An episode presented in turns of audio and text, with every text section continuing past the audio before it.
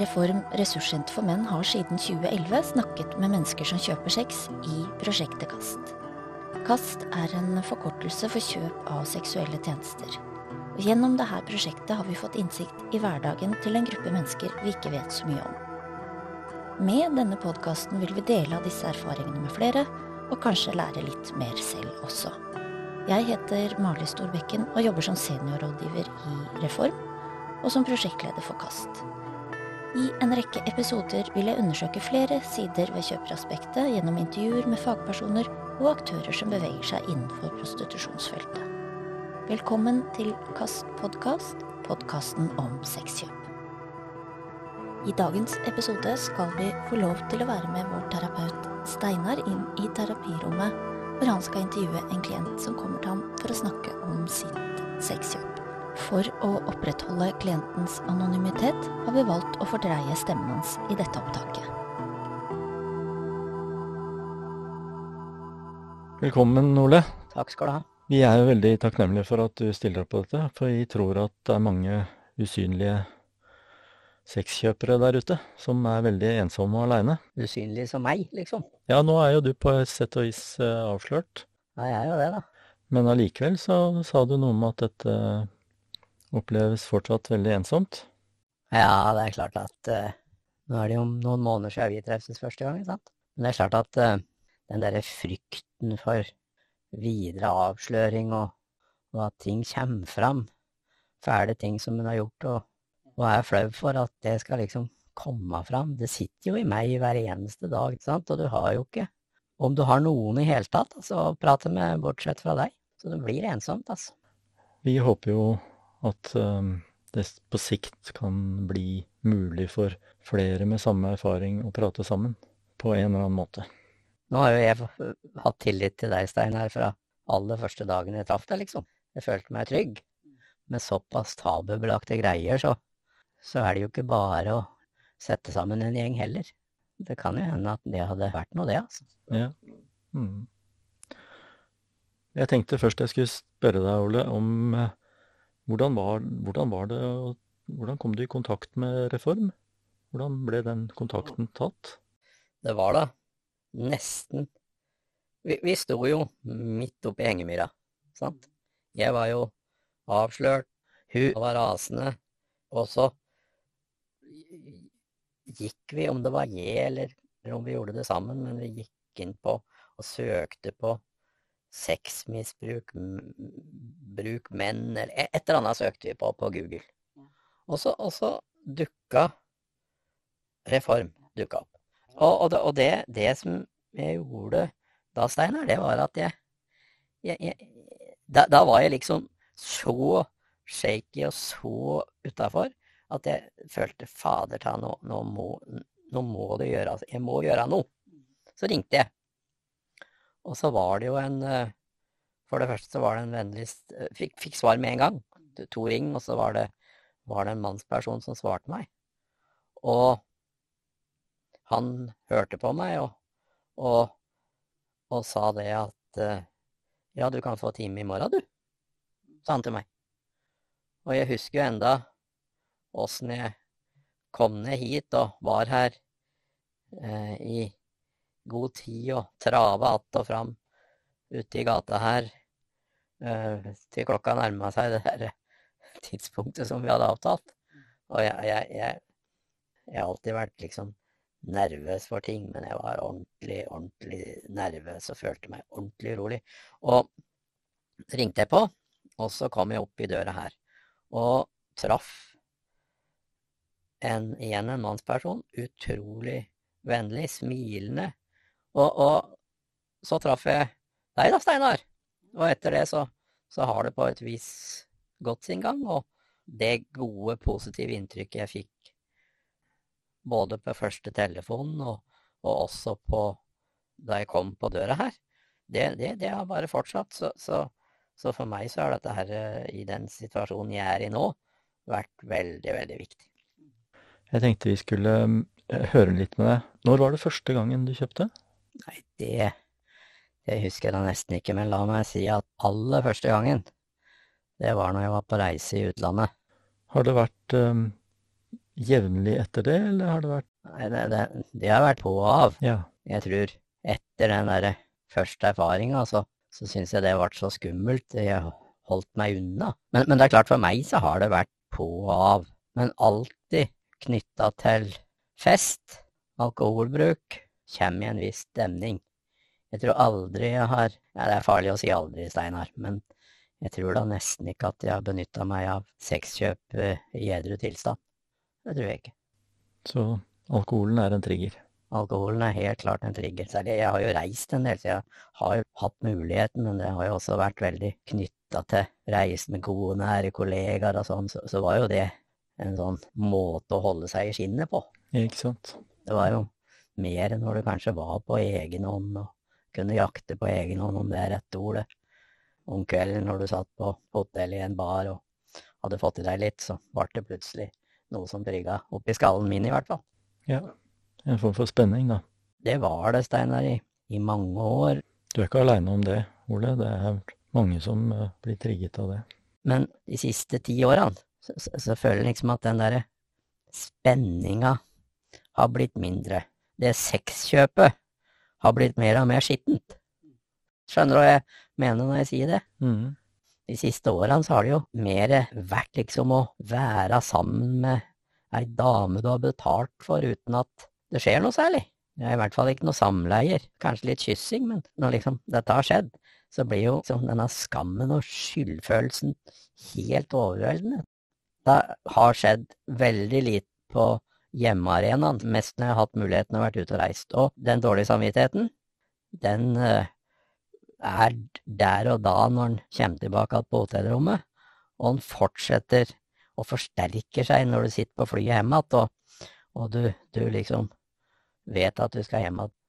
Og, og, og vet da, og dette er rart, du vet da at du har gjort ting som er forferdelig galt.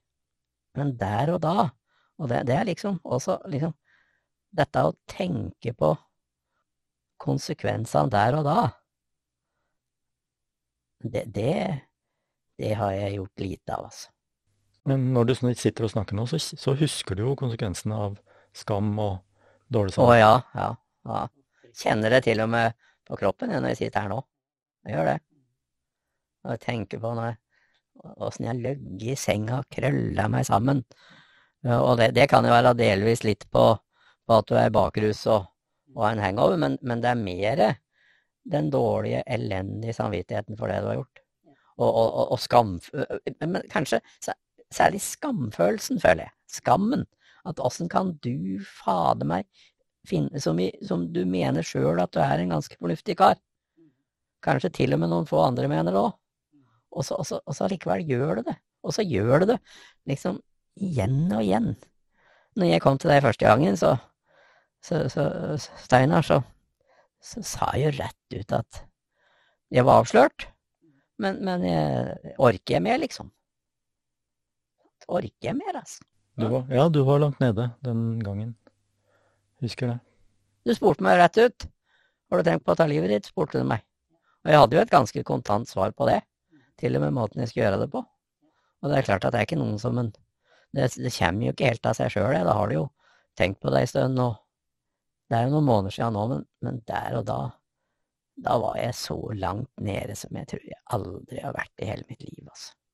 Og, og det var både fordi jeg, jeg det var knytta til en, en spesiell hendelse, men også liksom du blir avslørt og fullstendig avkledd. Og så kommer skammen én ting, og så kommer frykten. Hva skjer nå? Blir du kasta ut? Blir du banka opp? Tenk hvis andre får vite det. det. Det går jeg og tenker på, på Ikke at jeg blir banka opp og sånn, det, det, det tenker jeg ikke på nå, men, men dette med redselen for at folk skal få vite, den er der hver eneste dag. Litt på og av, men allikevel, den er der hver dag. Selvmordstankene, da. Nei, de er ikke det hver dag. Nei, de har jeg kommet over. Jeg har det, altså. Og så altså, er det jo én dimensjon til. I, mitt tilfelle så har det jo òg fått eh, konsekvenser for den som jeg er sammen med, sant. Og hun går jo fortsatt i behandling, og, og sånn, så, så, så er det så, så, er i hvert fall den derre dårlige samvittigheten der. Det, det, det er for gærent at det er så mye som skal til. Men da tenker jeg på fader ta er det du, åssen har du oppført deg, eh, du som skal være en fornuftig gutt, som på et vis har et visst sjølbilde av det sjøl, i hvert fall. Jeg mener også at andre har det, og, og har du stelt i stand. Altså. Ja. Kjøper du sex og ønsker å snakke om det? Kast er en gratis og helt anonym samtaletjeneste for deg som kjøper sex. Vi tilbyr personlig rådgivning på dine egne premisser i Oslo eller på telefon. Finn mer informasjon og kontakt oss for en samtale på Reforms hjemmeside reform.no.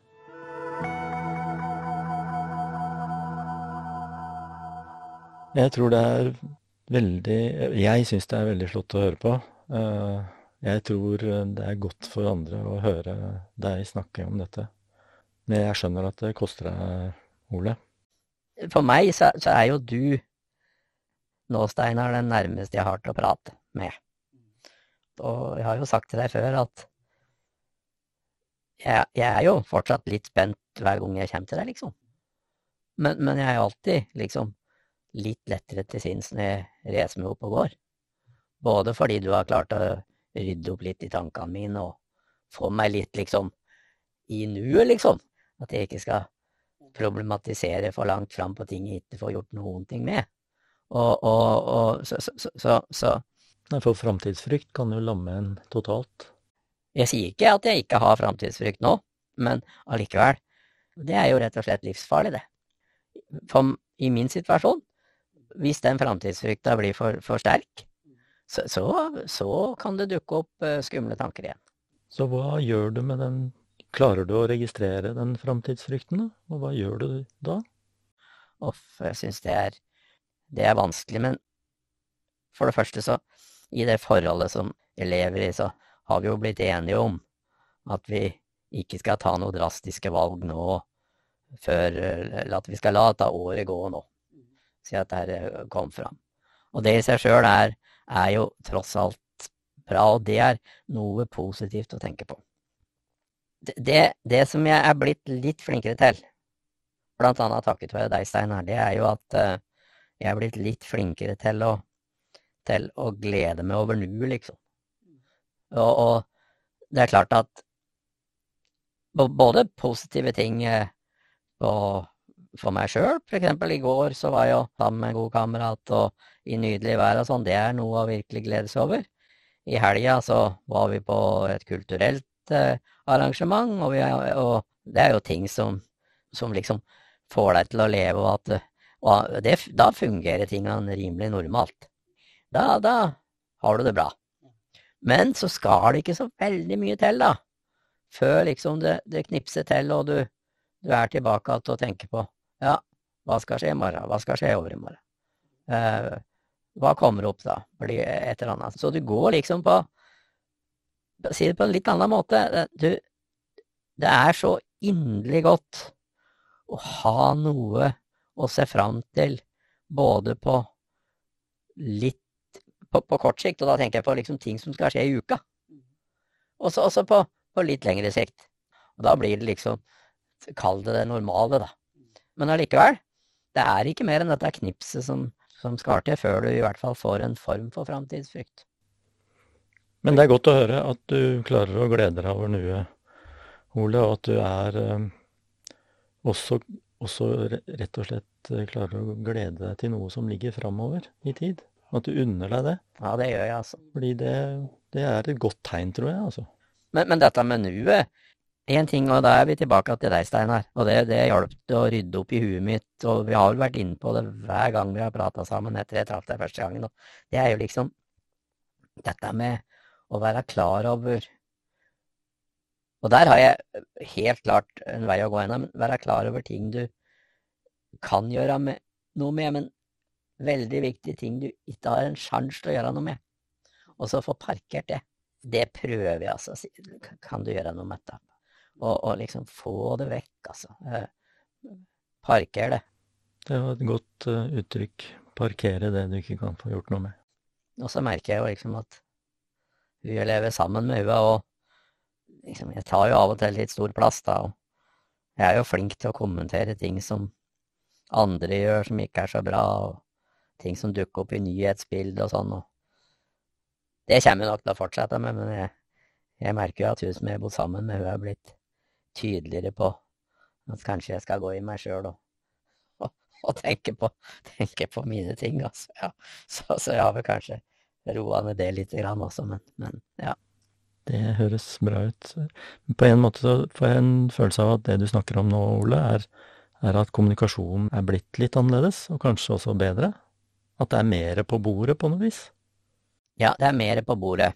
Den samtalen i daglig donten, de praktiske tingene og sånt. det går egentlig rimelig greit, sant? Men det som er forferdelig tungt og vanskelig, det er liksom den derre følelsesbiten. Hun har jo et behov for liksom nå å høre at jeg er glad i henne og setter pris på henne. Og, jeg sier det på et vis, men jeg sier det på den litt klønete måten. Jeg er glad i henne, jeg setter pris på det. Og så blir liksom ikke de ordene gode nok for henne, da.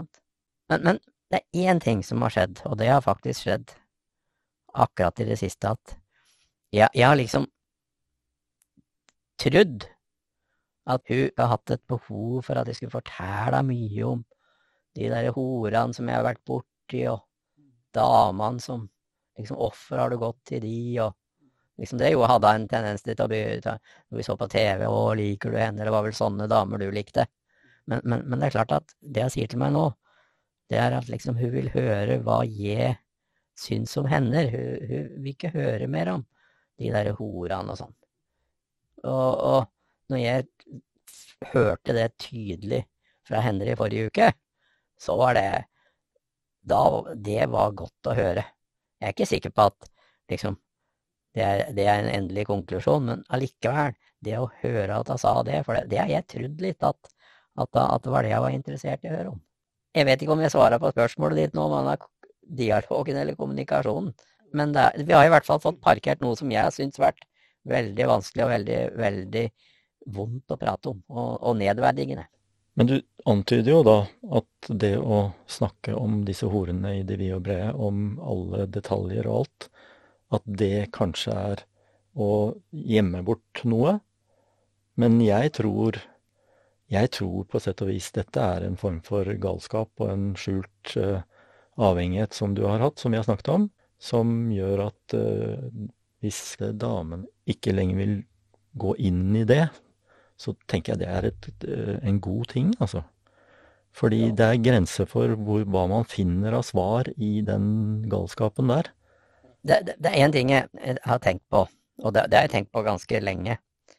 og så skal jeg prøve å si litt om det du det, den kommentaren du hadde nå, Steinar. Men når vi går tilbake at de månedene der den liksom ble avslørt Hvis den, hvis den liksom kunne trukket ned gardinen og sagt retake Skjønner du hva jeg mener? Så hvorfor trengte jeg også fortelle så mye? Og, og, og, det sier faktisk hun jeg bor sammen med. Sant? Hvorfor, hvorfor Jeg hadde ikke behøvd å høre masse tingene der. Det, det, det, i bakspeilet, men det får du ikke gjort opp igjen, da. Men det er for så vidt et uh, godt råd til de som kommer etter deg. Ja, det er det, altså. Det tenker jeg også kan være nyttig at du tar det med en terapeut, rett og slett. At man kan gå i detaljer, for du hadde et behov for å få ut ting. For å snakke om det som var skammelig og som var vanskelig. Jeg har jo vært inne på det, noe av det nå, sant? Dette der du sitter i med, sammen med damer som er helt nede på kalosjan og syns det er en form for spenning. sant? Men, men, men, det er klart at dette med å, for de som på et vis lurer på hva de skal gjøre, eller hvor mye de skal fortelle, så er i hvert fall min erfaring nå at uh, folk trenger ikke å vite alt. Det er nok allikevel. Jeg tenkte um, kanskje jeg også skulle stille deg et spørsmål som er kanskje å stikke kniven litt inn i såret, men, men jeg vet vi øh, jeg, jeg, tror Jeg er ganske sikker på at du tåler det, Ole, og det er uh, Tenkte du noen gang på disse damene som du kjøpte sex fra? Tenkte du, tenkte du om dette var frivillig, om hva slags Hvordan Var du inne i hodet på dem? Eller? Eh, jeg må, må si at eh, Nei, jeg, jeg tror liksom at jeg Nei. Jeg, jeg, jeg, har ikke tenkt på det. Om det var frivillig eller ikke, det har du vel tenkt på, gjorde du ikke det? Akkurat om det var frivillig eller ikke. Jeg, jeg, jeg liksom Noen få som jeg har truffet. Noen få voksne damer som jeg har truffet. Da, da har jeg liksom fått et inntrykk av at dette er frivillig, og at de til og med liker det. Jeg har liksom innbilt meg det. Men da, det, da vil jeg si, Steinar, at det er ytterst få. Så på sånn overall på det der spørsmålet ditt, så må jeg, må jeg si rett ut nei, altså. Er det noe annet også du vil si til de som um, kanskje hører på, som tenker at de trenger å få snakka om dette? Ja, det, det, det er klart at uh, jeg, jeg, har jo nevnt dette med at mine sexkjøp og mitt faenskap, at det har vært knytta mot bruk av alkohol. Sant? Og jeg kom til et punkt der jeg utnytta smutthullene. Jeg er jo ikke noe sånn, og det ser du vel på meg òg, jeg er jo ikke noe sånn som liksom ser veldig sliten ut og, og veldig sånn harddrekkende ut. Sånn. Og, det, det, jeg, det, er jeg ikke, og det har jeg heller aldri egentlig vært. Men allikevel, jeg har hatt perioder, og, og, det økte på fram til det sa pang nå, at jeg, at jeg fant måter å utnytte smutthullene på. At jeg, at jeg, lagde meg liksom rom for å få tilgang til, til, til, alkohol. Ikke at jeg fant rom nødvendigvis for å drikke ei flaske, men at jeg lurte meg til to glass rødvin når jeg var ute og handla og, og, og, og, den type ting. Da, da, var jeg som regel i trygge sosiale settinger sammen med venner på reise og slike ting. Sant? Men så, når du da, i det tilfellet mitt nå, da, når, når en plutselig da blir alene, og har økt på den derre frekvensen med smutthullene, og det vil jo også da si økt på inntaket med alkohol, så er også liksom veien til å ta denne telefonen, slå opp på ei nettside, ta ut de pengene i minibanken, den blir så jækla mye kortere. Så hvis en klarer å kutte det ene, få et liv der en holder seg unna smutthullene og sånn på et eller annet vis, så utsetter han seg ikke for den, eller han minsker i hvert fall den faren for også trå feil igjen i forhold til det der sexkjøpet, altså. Jeg har i hvert fall kommet et bitte lite stykke på vei, og det gjør at en i hvert fall ikke leter etter smutthull. Og det i seg sjøl er steikende bra, altså. Kanskje vi rett og slett skal eh, stoppe der? Det var en fin avslutning og en god hilsen til folk som er i samme situasjon. Takk skal du ha. Tusen takk til deg som har hørt på. Om du syns det du har hørt i dag var interessant, så kan du gjerne abonnere på podkasten vår og også anbefale oss til dine venner. I neste episode får vi besøk av leder for Prosenteret, Bjørg Nordli, som skal fortelle oss hva de erfarer at foregår på selgersiden i prostitusjonsfeltet. Prosjektet Kast er støttet med midler fra Justis- og beredskapsdepartementet. Musikken du har hørt er skrevet og fremført av Arne Håkon i Cellar Light. Produsent og tekniker er Ina Slaveikov. Ansvarlig redaktør er Are Såstad, og mitt navn er Mali Storbekken.